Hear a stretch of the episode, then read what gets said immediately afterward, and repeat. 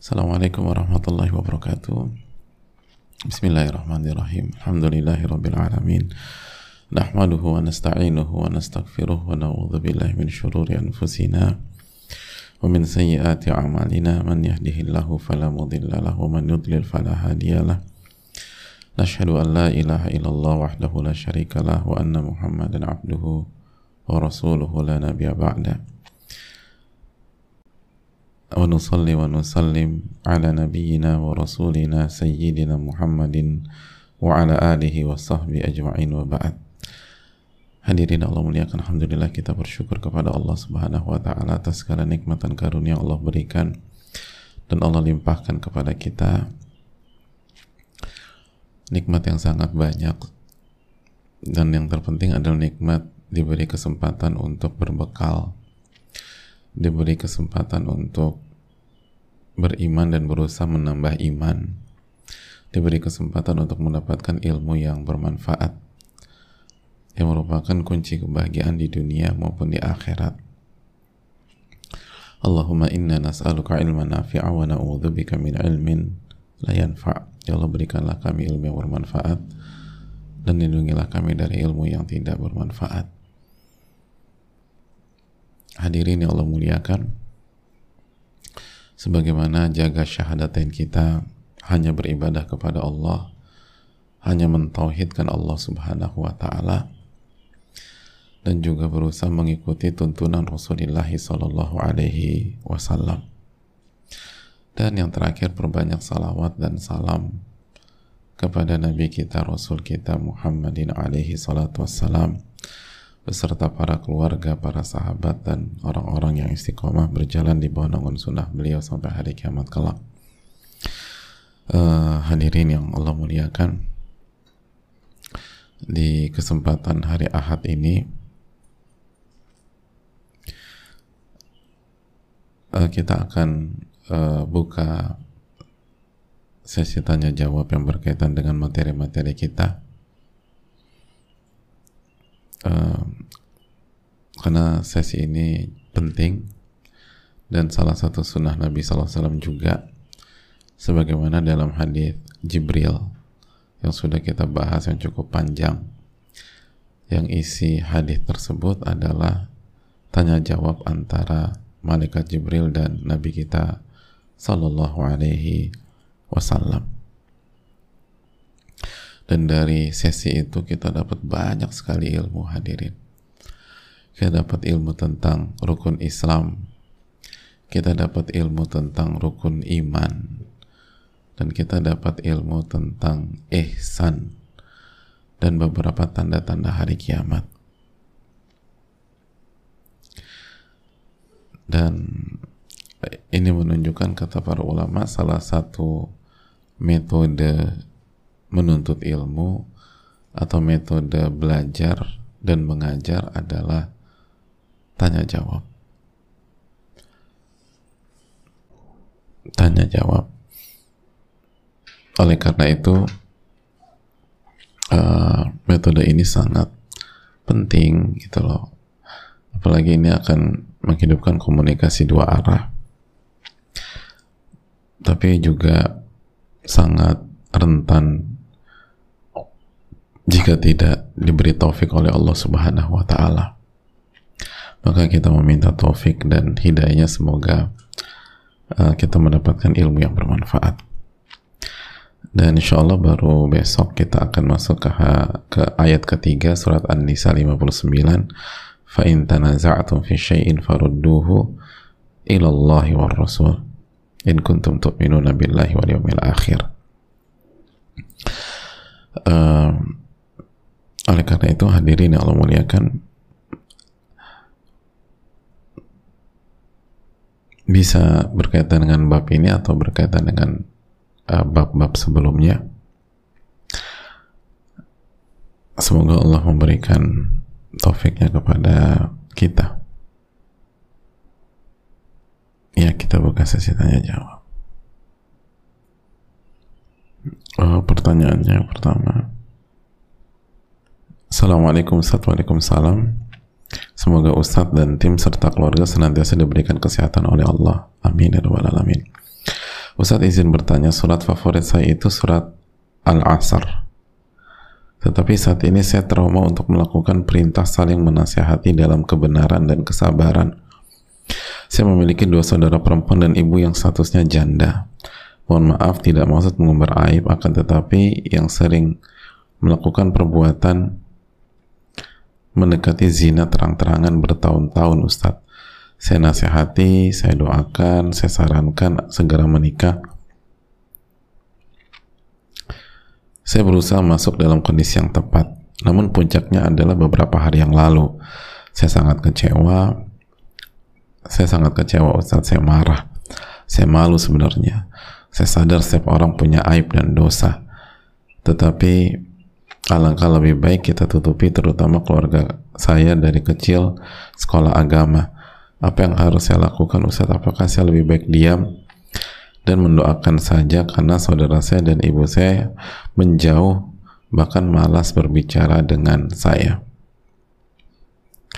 Ya terima kasih atas uh, pertanyaannya.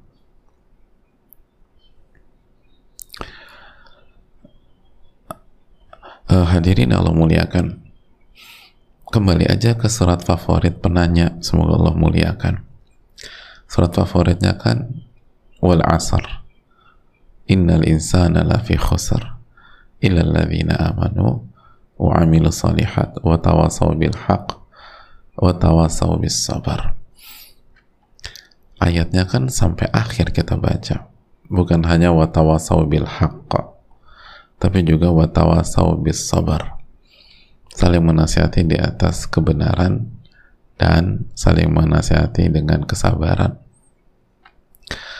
Jadi dalam dunia nasihat menasihat itu harus sabar hadirin. Dan saya sepakat ngomong tuh gampang. Bicara itu mudah harus sabar. Dan mempraktekannya susah dan yang berbicara detik ini tidak lebih baik daripada mendengarkan. Tapi ini adalah amanat yang harus disampaikan dan kita harus berjuang bersama-sama saling support untuk bisa saling menasihati di atas kesabaran. Nggak mudah hadirin sekalian. Tidak mudah. Hadirin yang Allah muliakan makanya uh,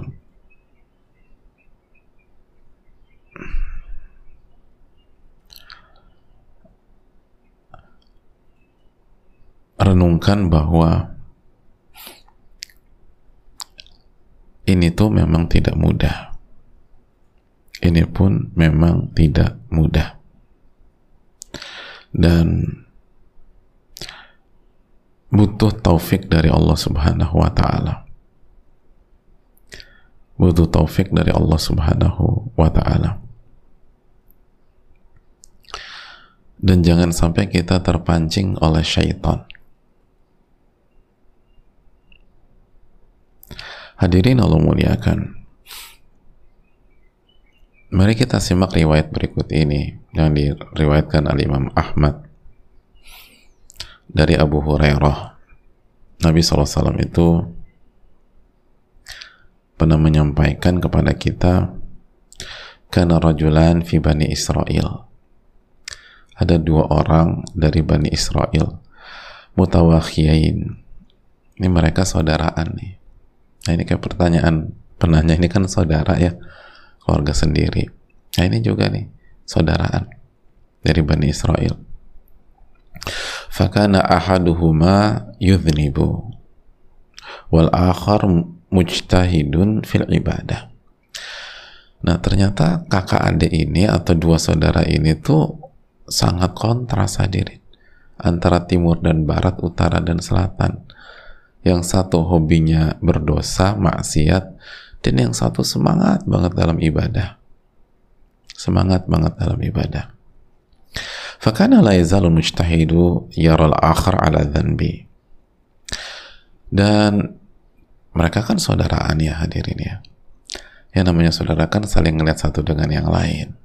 Sama kayak yang bertanya, aduh aku ngeliat saudaraku sama ibuku atau saudariku sama ibuku kok begini gitu loh Nah begitu juga yang yang rajin ibadah itu itu melihat bahwa saudaranya ini kerjanya berdosa, berdosa, berdosa, berdosa, dan berdosa lagi. Ini kok nggak selesai-selesai dosanya. Dan selalu dinasihati oleh yang rajin ibadah. Fayaqulu aksir. Tolong berhentilah dalam bermaksiat tolong berhentilah dalam berdosa. Terus begitu, kalau ngelihat saudaranya ber, bermaksiat, aksir. Eh, berhenti, itu loh. Jangan bermaksiat, gitu. Nanti ngelihat bermaksiat lagi, aksir. Tolong berhenti nanti saudaranya bermaksiat lagi aksir berhentilah saudaraku eh saudaranya tetap maksiat hadirin sampai jamaah sekalian. Di suatu waktu fawajadahu yawman ala dhanbin. Suatu hari kembali. Yang rajin ibadah ini mempergoki saudaranya bermaksiat. Udah nggak tahu berapa banyak dipergoki ya begitu terus. Lalu saudaranya yang rajin ibadah mengatakan aksir, berhentilah bermaksiat. Eh dijawab jamaah sama yang pendosa ini. Khalini wa rabbi.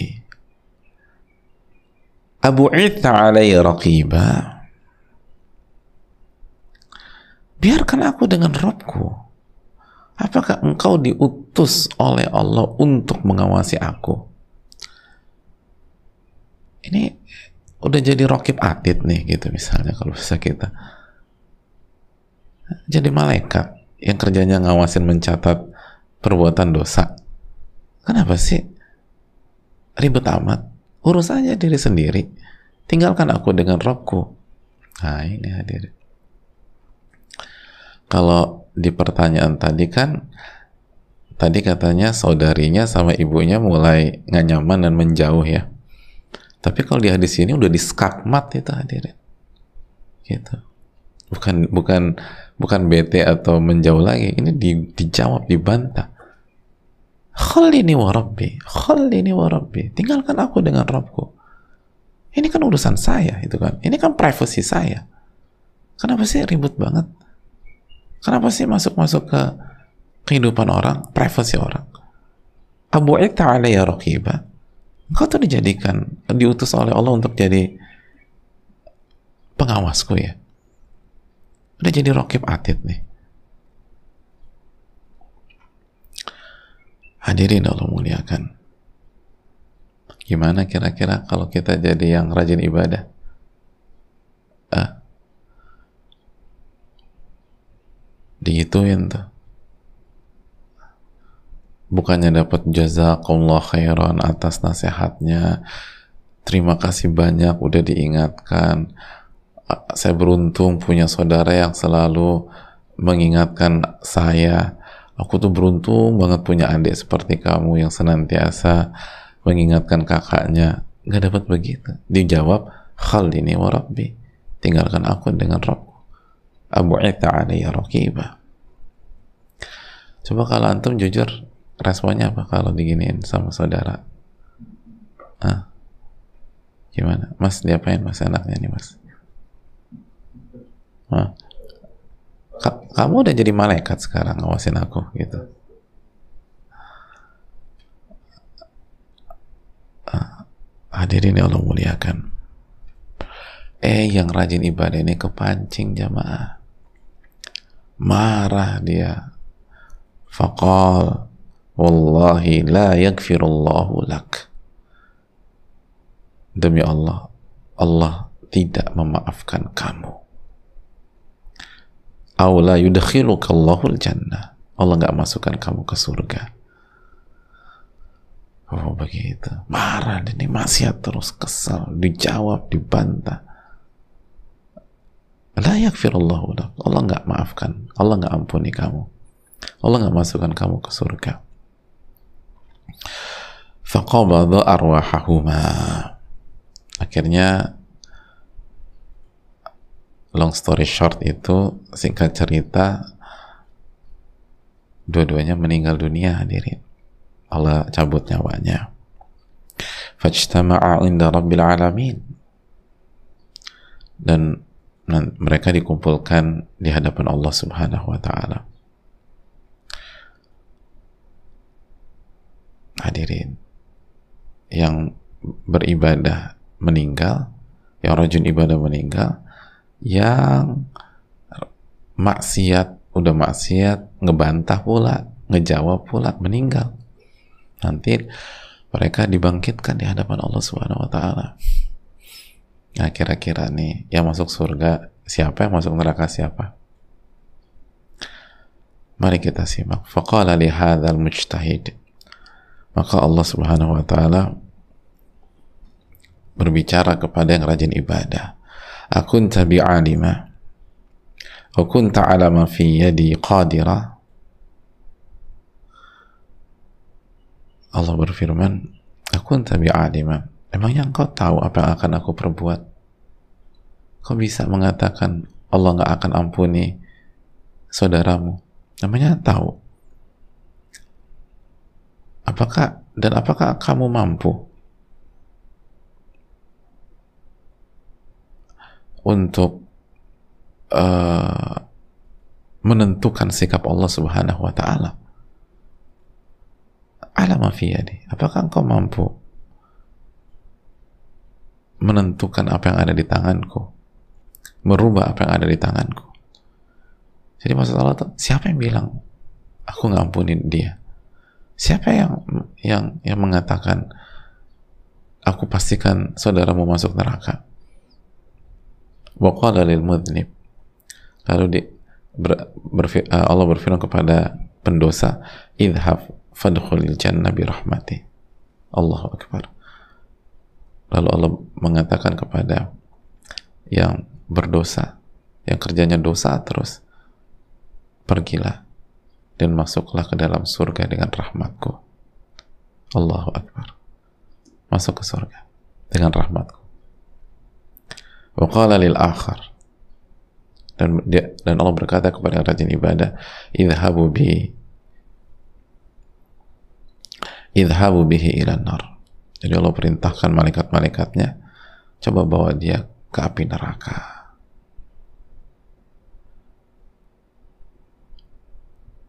Masya Allah, masuk neraka. Apa kata Abu Hurairah? Walladhi nafsi biyadih, la bi kalimatin au baqat dunyahu wa akhiratah. Demi diriku yang ada dalam genggamannya demi Allah itu yang rajin ibadah. Dia ucapkan kalimat yang menghancurkan dunia dan akhiratnya.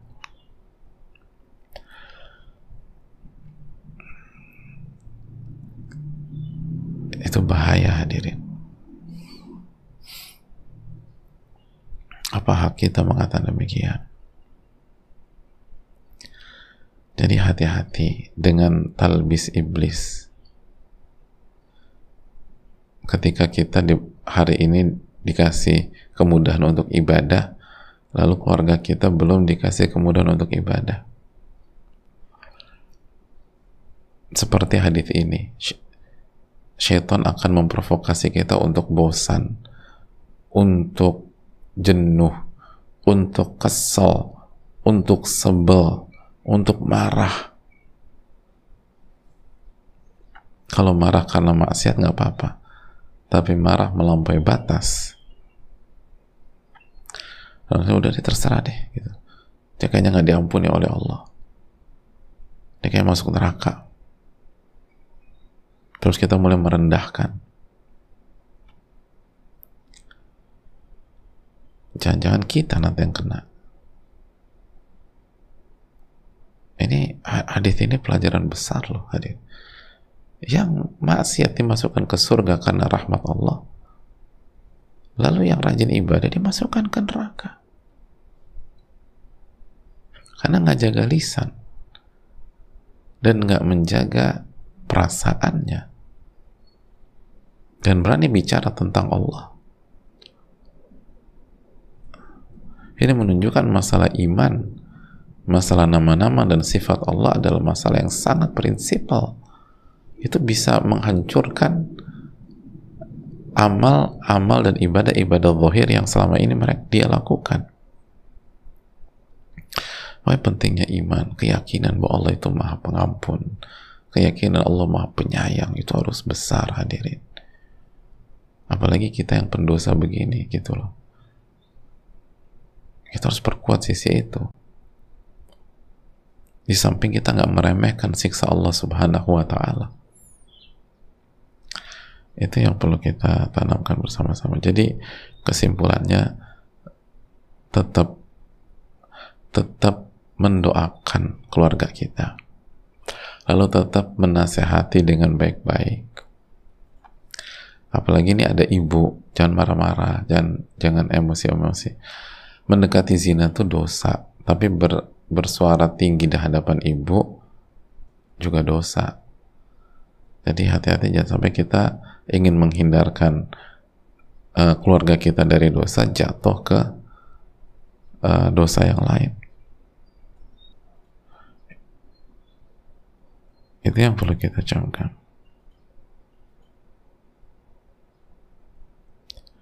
Hadirin Allah muliakan. Jadi tolong tetap semangat dan itu watawasau bil haq watawasau bis sabar saling memberikan nasihat dengan kebenaran dan dengan kesabaran. Dan ingatlah bahwa para nabi itu bertahun-tahun menasihati umat. Bertahun-tahun. Nabi Nuh itu 950 tahun. Jadi harus sabar, sabar, sabar, sabar, sabar. Ada seorang ibu itu menasihati anaknya hmm, 30 sampai 31 tahun dan anaknya nggak berubah-berubah nggak pernah tapi ini ibu terus kasih nasihat buat anaknya terus kasih nasihat terus kasih dan ternyata Allah tidak menyanyiakan perjuangan ibu tersebut anaknya akhirnya tersadar tapi antum tak kita ada yang tahu kapan? Setelah ibunya meninggal. Rahimahullah. Anaknya sadar, tapi setelah ibunya meninggal. Tapi ketika anaknya ditanya, apa sih faktor yang membuat kamu berubah? Kata beliau yang pertama hidayah. Lalu yang kedua, nasihat ibu saya 30-an tahun tersebut. Yang begitu beliau wafat, rahimahullah, itu kayak setiap hari itu mengetuk hati saya. Saya ingat terus nasihat ibu saya. Padahal ketika beliau hidup saya anggap itu angin lalu. Ketika beliau hidup tuh saya anggap itu tuh ya, ribet banget sih. Kalau, kalau bahasa jangan kok ribet banget mak gua nih gitu. Tapi begitu wafat terus terus terus terus dan terus dan pernah meremehkan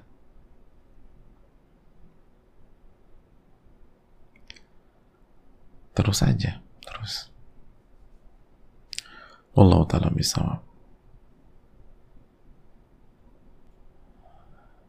Assalamualaikum Ustaz. Waalaikumsalam. Semoga Ustaz dan tim dalam lindungan Allah Ustaz izin bertanya apa obat dari futur Ustaz? Tak kalah pas bulan yang paling dicintai oleh Allah Yaitu 10 awal Dhul Hijjah Kemarin saya bersemangat sekali beribadah. Tak kalah sel selesai berada Eh selesai berasa futur. Pertanyaan bagaimana caranya kita tetap semangat dalam beribadah Walaupun bukan hari-hari terbaik? Sekian Ustaz Barakallahu Fikum. Ya terima kasih atas pertanyaannya. Uh, insya Allah kita kalau Allah mudahkan ya kita buat sesi khusus hari ini insya Allah nanti siang tentang apa yang harus dilakukan setelah 10 hari pertama dan Idul Adha. Insya Allah semoga Allah mudahkan dan Allah kasih taufik Assalamualaikum Ustaz, Waalaikumsalam. Saya mau tanya Ustaz, ini yang mau saya tanyakan Ustaz tadi pesan sebelumnya kurang sempurna susunan kalimatnya. Ini pertanyaan saya Ustaz. Iya silakan. Tiga kali loh mengatakan saya mau bertanya. Langsung makasih. Tanya aja. Ustadz ketika mandi wajib junub tanpa didahului berwudu langsung main siram kepala ketika mandi. Kan waktu mandi prosesnya kita menyentuh menggosok-gosok bagian seluruh tubuh. Kalau waktu mandi ini kita menyentuh kemaluan dengan menggosok-gosokkan kemaluan dengan sabun. Apakah mandi wajibnya sah Ustadz? Karena di dalam proses mandi saya menggosok-gosok menyentuh kemaluan dalam rangka untuk membersihkan diri dari noda dan kotoran. Terus ketika kita menyentuh kemaluan menggosok-gosok dengan sabun dengan dengan sabun waktu mandi wajib. Apakah masih wudhu ulang setelah mandi? Iya terima kasih atas pertanyaannya pertanyaan masalah fikih ya. Uh, singkat cerita ya karena kita nggak masuk ini secara dalam. Mandi wajib itu atau mandi junub atau mandi mandi janabah ya itu prosesnya ada dua jenis yang pertama mandi yang sempurna. Sebagaimana yang sudah kita lakukan selama ini kan? Uh, yang pertama bersihkan kemaluan dulu. Jadi bersihkan kemaluan di awal. Lalu berwudu lalu kepala lalu uh, seluruh tubuh mulai dari kanan dan kiri. Lalu selesai gitu. Udah Adapun yang kedua itu istilahnya mandi mujizi. Mandi mujizi itu mandi yang yang penting sah.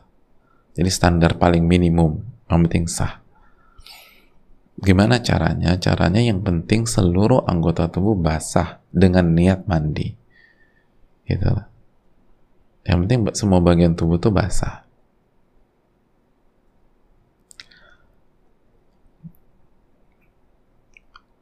Maka sah mandinya.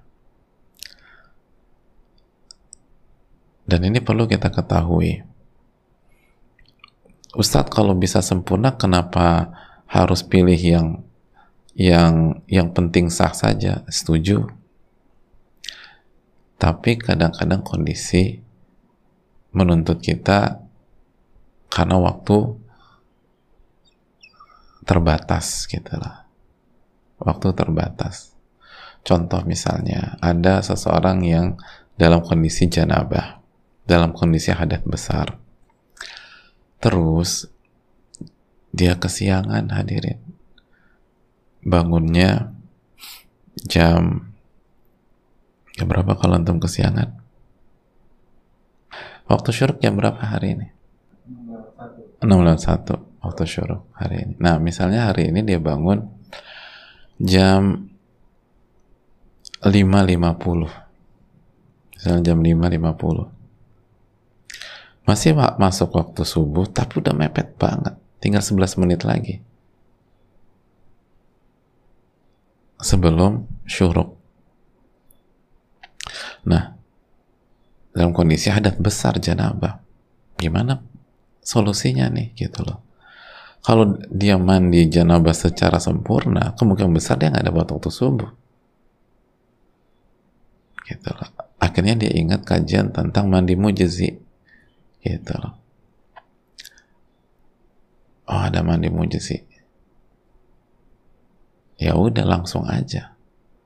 Eh di rumahnya ada empang gitu. Loh aku tuh nggak ada yang ada sumur. Ah masuk aja belum belum belum belum naik lagi. Atau ada kolam berenang gitu. Masuk naik gitu.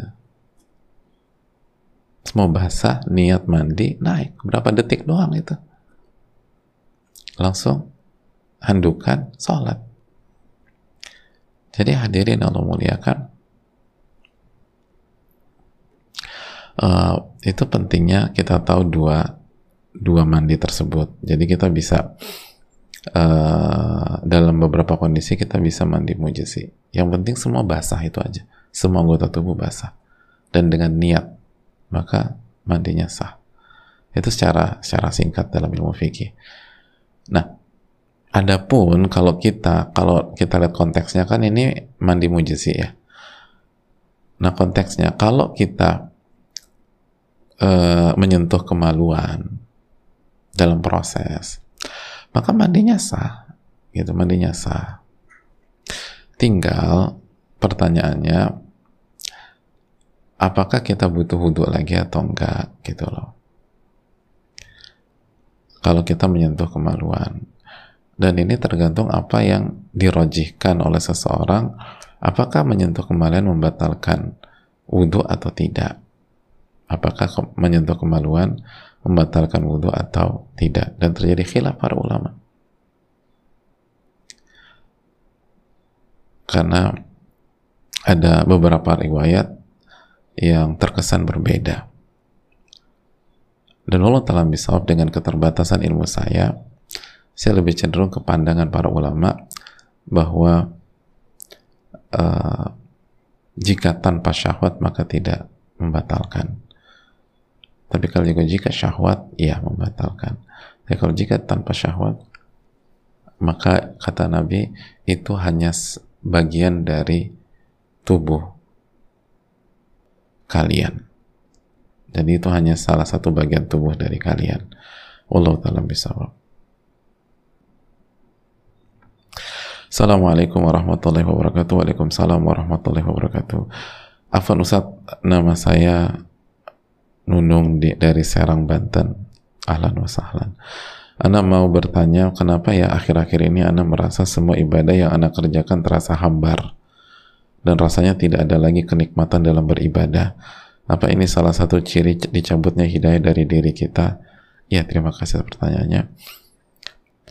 Eh, dan jangan lupa saling mendoakan jamaah al ilmu rahimun baina ahli ilmu itu membuat kita saling menyayangi uh, terasa hambar dan tidak ada kenikmatan semoga ya semoga ini bukan tanda dicabutnya hidayah. Karena kalau dicabutnya hidayah penanya nggak akan bertanya. Bahkan cenderung bela membela kondisinya bahkan mencari justifikasi. Enggak kok aku baik-baik aja. Nah itu kemungkinan tuh hidayah bisa dicabut tapi kalau apa namanya e, pertanyaan ini sampai diangkat ini menunjukkan bahwa masih ada rasa gitu loh. Imannya masih berperan. Hidayahnya masih memberikan warning. Ini kan warning gitu loh. Sebagaimana tubuh kan suka kasih warning. Saat ngantuk itu kan warning kita harus istirahat. Kan gitu ya lagi olahraga terus jantung berdetup agak agak cepat itu warning untuk cooling down nah ini juga warning nih gitu loh nah apa yang harus kita lakukan istighfar dan tobat kepada Allah istighfar dan tobat kepada Allah Terus yang kedua, hadirin, banyak doa sama Allah. Iya karena abudu wa iya karena stain. Iya karena abudu wa iya karena stain. Hanya kepada engkau kami beribadah dan hanya kepada engkau kami meminta pertolongan. Lalu yang berikutnya, uh, resapi nama-nama dan sifat-sifat Allah dan resapi kenikmatan yang Allah kasih kepada kita kemahabaikan Allah Subhanahu wa taala. Itu yang coba terus kita ini kan. Kita nih dikasih banyak hal oleh Allah Subhanahu wa taala.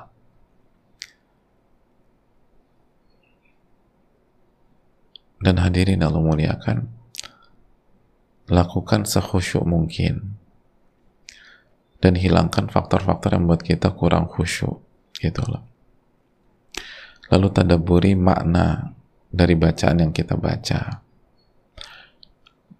Kalau kita baca Quran sejenak mungkin kita buka terjemahan, kita renungkan. Itu hal yang penting hadirin, penting sekali. Lalu yang berikutnya berkomunikasilah dengan orang-orang yang soleh. Atau yang kita anggap soleh tentu saja. Kita nggak merekomendasikan siapa pun di hadapan Allah. Khususnya yang kesolehannya di atas kita kita rasa. Komunikasi. Bicara minta nasihat itu tuh nguatin hadirin. Allah taala bisa Uh, Assalamualaikum warahmatullahi wabarakatuh. Assalamualaikum warahmatullahi wabarakatuh. Semoga Allah merahmati Ustadz, tim, Imam Nawawi dan umat muslim di seluruh dunia. Amin ya Rabbal Alamin. Izin bertanya Ustadz, apa, apabila kita meminta ampunan kepada Allah apa kita harus tetap yakin kalau doa itu dikabulkan dengan tiga cara atau kita harus yakin bahwa Allah akan datangkan ampunannya untuk kita di dunia dan di akhirat. Allah khairan Ustaz. Terima kasih. Ya dua-duanya jamaah. Dua-duanya. Yang pertama kan Nabi mengatakan Allah akan kabulkan dengan satu dari tiga cara. An yu'ajjila lahu fil, fil dunya. Disegerakan dikasih di dunia. Atau yadakhiru lahu fil akhirah. Atau Allah simpan nanti di akhirat atau yasrif anhu minasu'i mithlah atau Allah ganti Allah palingkan bala musibah atau bencana yang senilai dengan doa kita tersebut. Terus di sisi lain kan Nabi mengatakan wa'at bi'is sayyi'atal hasanata tamhuha. Ikutilah perbuatan buruk dengan perbuatan baik niscaya perbuatan baik itu akan menghapus perbuatan buruk. Dan salah satu perbuatan baik yang paling baik adalah berdoa kepada Allah. Kita semua sepakat tanya semua orang doa itu perbuatan baik gak sih? ya baiklah berarti menggugurkan dosa jadi dua keyakinan yang harus kita tanamkan Wallahu ta'ala bisawab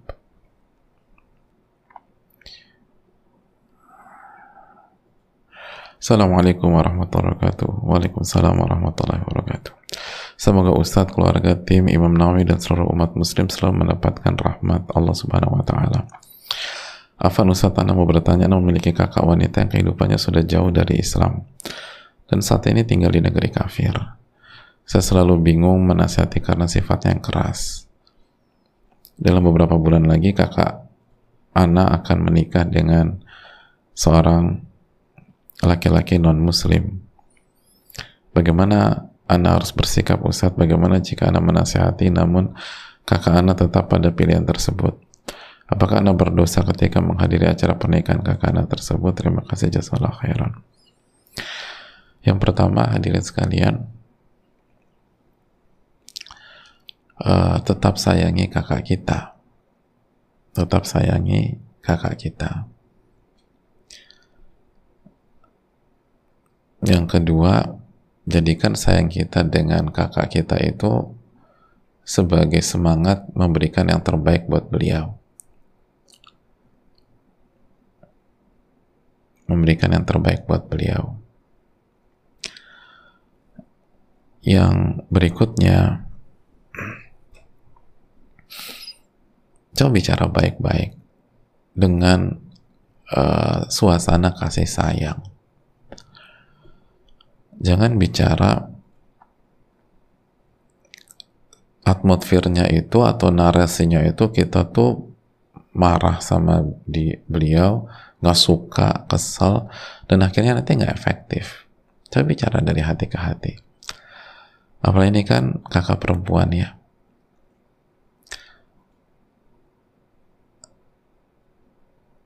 Kakak perempuan. Dan kita tahu Nabi mengajarkan kita bagaimana menghadapi perempuan.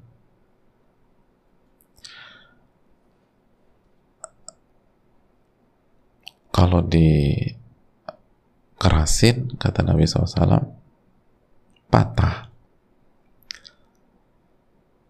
Tapi kalau nggak dinasihati, bengkok terus gitu loh. Jadi coba bicara baik-baik dan Nabi kan istausu bin nisa'i khaira. Nabi suruh kita berbuat baik sama wanita, sama istri.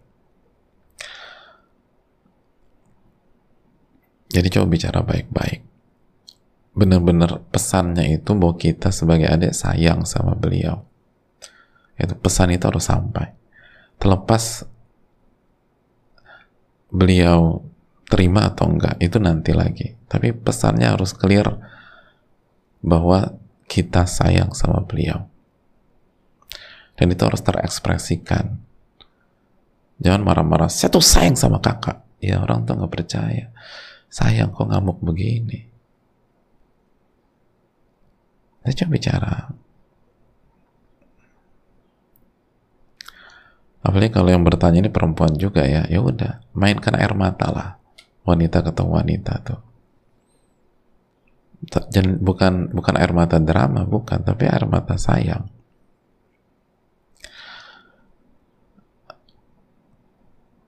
lalu sampaikan bahwa langsung bawakan firman Allah sajalah. Coba kasih Al-Baqarah 221 wala tunkihul musyrikina hatta yu'minu. Dan kalian tidak boleh menikahkan wanita kalian dengan laki-laki yang non muslim yang yang syirik gitu. Nggak boleh. Hatta yu'minu sampai mereka beriman sampai mereka beriman Lalu Allah berfirman, "Wala 'abdun mu'minun khairun min musyrikin walau a'jabakum." Dan hamba sahaya yang mukmin yang beriman itu lebih baik daripada laki-laki yang musyrik nggak beriman. Walaupun laki-laki itu mengagumkan kalian, walaupun sifatnya, fisiknya, gesturnya, cara bicaranya itu mengagumkan, mengagumkan. Tapi yang menciptakan kita mengatakan bahwa hamba sahaya yang beriman itu lebih baik. Ulaika nar. Mereka mengajak kepada neraka kata Allah. Jadi ketika bicara dengan kakak kita, jangan. Ini antara pandangan adik dan pandangan kakak jangan. Tapi arahkan. Bahwa ini Rob kita loh yang bilang demikian. Yang menentukan kebahagiaan kakak di di dunia maupun di akhirat. Yang menentukan kebahagiaan kakak di masa depan dan masa ini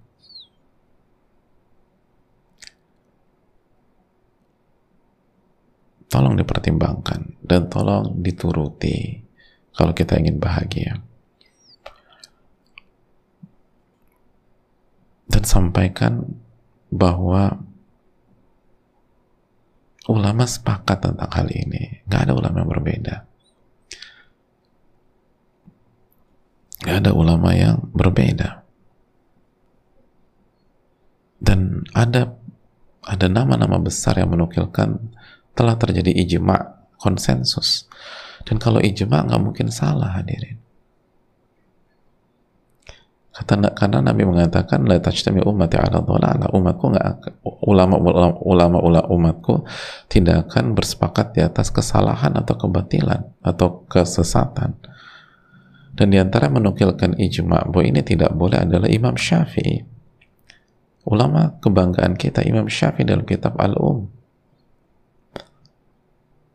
Al-Imam Ibn Munzir, Al-Imam Al-Baghawi, Al-Imam Ibn Qudamah, Al-Imam Al-Qurtubi, para ulama banyak para ulama, nama-nama besar.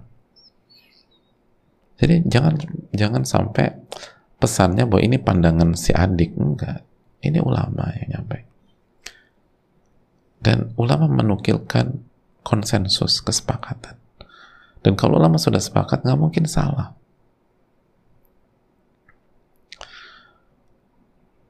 Nggak mungkin salah. Bahkan al-imam al ibnu munzir al-imam munzir mengatakan bahwa seluruh ulama telah sepakat sepakat. Seluruh ulama telah sepakat bahwa akad akad nikah laki-laki non muslim dengan wanita muslimah batil. Tidak sah batil tidak sah jadi nggak ada pernikahan. Nah kalau nggak ada pernikahan berarti kan zina hadirin. Kenapa ya seumur hidup kita mau berzina? Dan hadirin Allah muliakan coba uh, ajak juga direnungkan firman Allah Subhanahu wa taala dalam surat Az-Zukhruf ayat 67 bagaimana kondisi di hari kiamat. al-akhillau yawma idzin ba'duhum li ba'din adu illa al-muttaqin bahwa para kekasih itu di hari kiamat akan jadi musuh satu dengan yang lain. Akan jadi musuh. Kecuali orang-orang yang bertakwa. Jadi kalau di dunia terkesan langgeng maka di akhirat akan jadi musuh dan permusuhan yang paling menyakitkan itu permusuhan dengan mantan sahabat. Permusuhan dengan mantan kekasih itu dendamnya dalam hadin kalau bermusuhan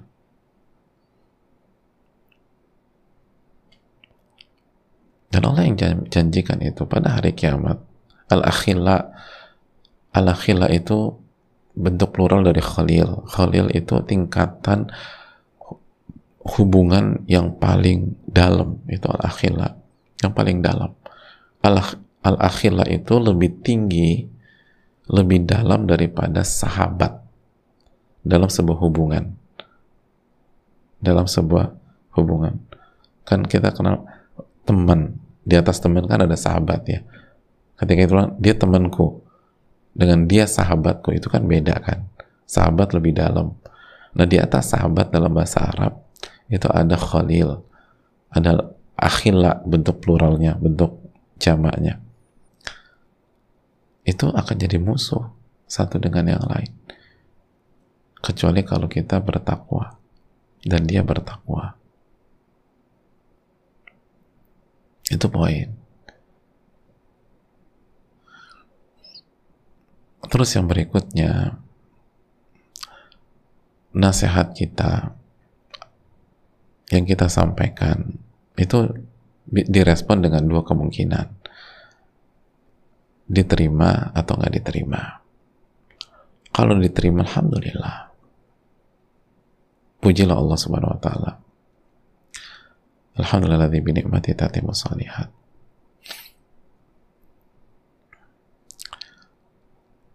Dan kalau nggak diterima, maka jangan putuskan hubungan dengan kakak kita. Tapi terus, terus, terus kasih nasihat. Dan tadi belum sempat kita sampaikan kenapa nggak cari opsi win-win lah? Yaitu calonnya masuk Islam. Calonnya masuk Islam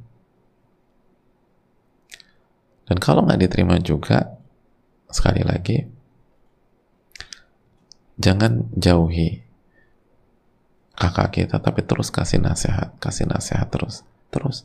Walaupun itu terjadi pada akhirnya tapi terus kasih nasihat. Karena kita tahu ya ada ada contoh-contoh dulunya mereka melakukan hal ini. Tapi setelah berapa tahun Allah kasih hidayah nyesel senyesal nyesalnya takut setakut takutnya dan akhirnya mereka berusaha jadi orang baik sekarang. Berusaha menjadi wanita soleha. Berusaha menjadi wanita yang taat sama Allah Subhanahu wa taala. Artinya kita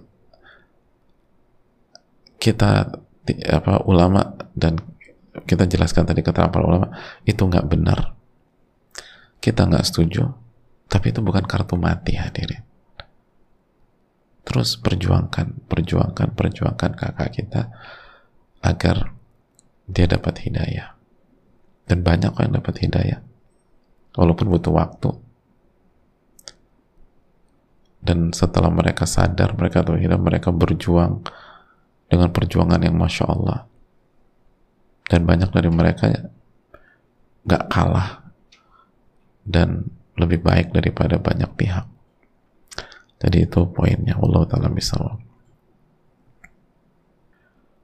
Uh, pertanyaan. Assalamualaikum warahmatullahi wabarakatuh. Waalaikumsalam warahmatullahi wabarakatuh. Semoga Allah memberikan keberkahan taufik hidayahnya kepada Imam Nawawi, Ustaz dan semua kaum muslimin. Amin. Ya. Semoga Allah berkenan memudahkan Ustaz untuk menjawab pertanyaan Anda. Uh, insya Allah Allah ijabah. Mohon nasihatnya Ustaz, apa yang harus kita lakukan ketika kita melakukan amal soleh namun kita lupa membaca bismillah agar kita tetap mendapatkan keberkahan dari amal tersebut. Jazakallah khairan.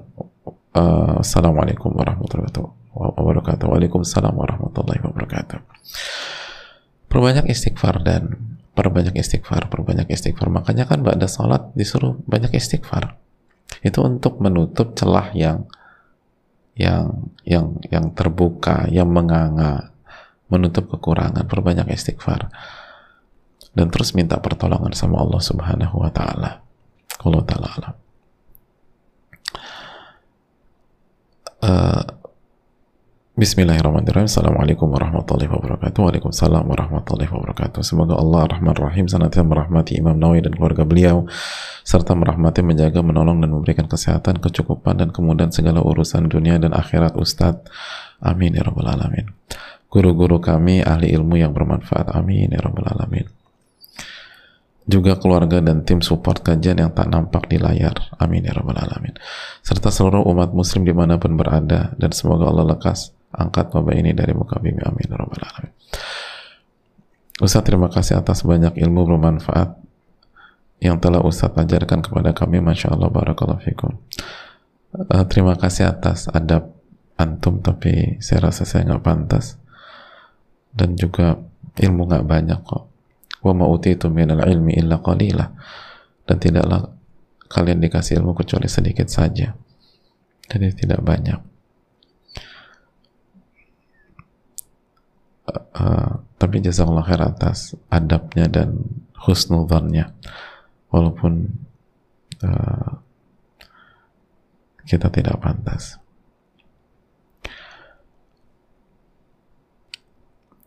Ustadz mohon izin untuk bertanya beberapa hal. Ada kalanya saya merasakan nikmat betah duduk berlama-lama menyimak mengulangi materi tentang Allah dan Rasulnya hingga lupa dan ke, dengan kewajiban urusan kantor meskipun tetap saya bisa cover. Hanya saja tidak on time. Bagaimana menyikapi hal ini ya Ustadz? Apakah ini ada andil tipu daya syaitan? Uh, ya. Jawabannya ini emang syaitan selalu berusaha untuk menyerang kita jamaah tapi semoga ini proses ya proses karena kalau kita kehilangan hidayah, kita nggak mungkin menikmati materi tentang Allah dan Rasulnya. Bisa menikmati dan mengulang-ulang materi tentang Allah dan Rasulnya itu menunjukkan hidayah yang yang bagus sekali ada dalam diri kita. Cuman gini aja, yang kurang kita cover. Jadi insya Allah bukan jadi korban iblis, tapi ada masih ada kekurangan Nah, ingat selalu karena kalau kalau insya Allah penanya termasuk orang yang mencintai Allah Subhanahu Wa Taala. Nah, kalau kita mencintai Allah, ingatlah selalu innallaha yuhibbu idza amila ahadukum amalan an yutqinah. Allah itu mencintai seseorang apabila dia mengerjakan sebuah amalan, apabila dia mengerjakan sebuah pekerjaan, itu dia itqan. Itqan itu perfect gitu loh. Perfect bukan berarti sempurna nggak ada manusia sempurna tapi maksimal totalitas. Dengan kualitas yang bagus gitu high quality itu kan. Itu Allah sayang tuh Allah cinta sama hamba yang seperti itu. Jadi maksimalkan ketika kita ngerjain sesuatu. Maksimalkan ketika kita mengerjakan sesuatu kita lanjutkan. Ya Ustadz yang paling afdol mulai jam berapa? Bagaimana kalau dikerjakan tepat sebelum sholat subuh misalnya bangun jam 4 uh, eh, ya terima kasih. Yang paling afdol menurut di sepertiga malam terakhir ketika Allah turun ke langit dunia. Jadi itu sepertiga malam terakhir itu prime time. Jam 4 masuk ke sepertiga malam terakhir insya Allah. Tinggal kalau jam 4 durasinya cukup apa enggak jadi kalau pertanyaan jam 4 itu waktu terbaik, ya. Tapi tinggal uh, durasinya terlalu mepet atau enggak. Kalau terlalu mepet, misalnya dibuat setengah 4 gitu loh jamaah. Allah ta'ala bisa Terkait kajian yang telah lalu, rasanya ketika punya uang lebih ada saja keperluan untuk dipenuhi atau keinginan yang sebenarnya tidak perlu. Tapi ketika uang pas-pasan, ya biasa-biasa saja. Dan ketika punya dana cadangan, seperti dana ini menuntut untuk digunakan yang kadarnya sesuai jumlah cadangan tersebut. Bagaimana Ustaz sebaiknya terkait dana cadangan sebagai sebagaimana mungkin ada riwayat dari para ulama mohon petunjuknya Ustaz terima kasih. Barakallahu fikum jazakallahu khairan. Wa atas pertanyaannya uh, yang pertama hadirin kita udah bahas kan di awal-awal ketika hadir uh, Sa'ad bin Abi Waqqas ya bahwa uh, menabung itu diperbolehkan gitu loh punya dana cadangan itu diperbolehkan. Kalau nggak diperbolehkan nggak ada orang kaya secara uh, dana cash kan. Padahal kita tahu dalam sejarah kaya dan miskin di dunia para nabi para ulama itu hal yang biasa saja. Itu menunjukkan diperbolehkan. Tinggal alokasinya untuk apa gitu loh. Dan uh, tepat sasar dan tepat guna. Uh, dan gunakan di jalan Allah Subhanahu wa taala sebelum nanti kita niatkan untuk waris keluarga kita sesuai uh, porsi dan proporsional. Adapun ada saja keperluan yang untuk dipenuhi dan keinginan yang sebenarnya tidak perlu, ya emang itu dunia, nggak akan selesai-selesai. Jadi kita harus cut dari sisi itu. Keinginan itu nggak ada habisnya, bahkan bertambah terus kan. Makanya katakan Nabi SAW, kalau anak Adam itu punya satu lembah emas, la betago ilahi lahu thaniya. Dia akan cari lembah emas kedua, nggak puas. Lembah emas hadirin. Kita tahu emas 100 gramnya cuma segini nih itu sekarang harganya berapa emas? 80 juta kan, kurang lebih. Segini emas, 100 100 gram segini. Ini lembah emas. Kalau emas segini berapa? Kira-kira. Mas Hafiz. Emas segini nih. Mungkin 1 M kali ya. Iya dong ya. 1 M mungkin atau lebih. Ini 1 gitu. Ini satu lembah. Nggak selesai. Kita pengen ini pengen ini pengen ini pengen ini pengen ini. Semua pengen. Tapi mau sampai kapan? Apalagi hari-hari ini kita lihat di depan mata kita. Ada orang-orang meninggal. Dan mereka nggak siap dengan perbekalan akhirat. Ada yang meninggal punya mobil 20 ada yang 30 terus sudah ditinggal gitu aja udah selesai. Ada yang meninggal punya tanah di sana tanah sini. Belum pernah nggak sempat dia manfaatkan untuk jalan Allah. Dia punya rumah di A rumah B rumah C. Nggak pernah dia nggak sempat manfaatkan di jalan Allah. Terus meninggal terus udah hilang gitu aja. Semua kerja kerasnya selesai. Apa nggak takut ditanya di hadapan Allah? Ini hari-hari kita dilihat dikasih lihat real oh betapa semuanya berapa fananya. Maka mumpung masih ada masih ada kesehatan masih ada kesempatan untuk mengalokasikan alokasikan di jalan Allah. Saya rasa ini bisa disampaikan. Jazakallah khairan. Semoga bermanfaat.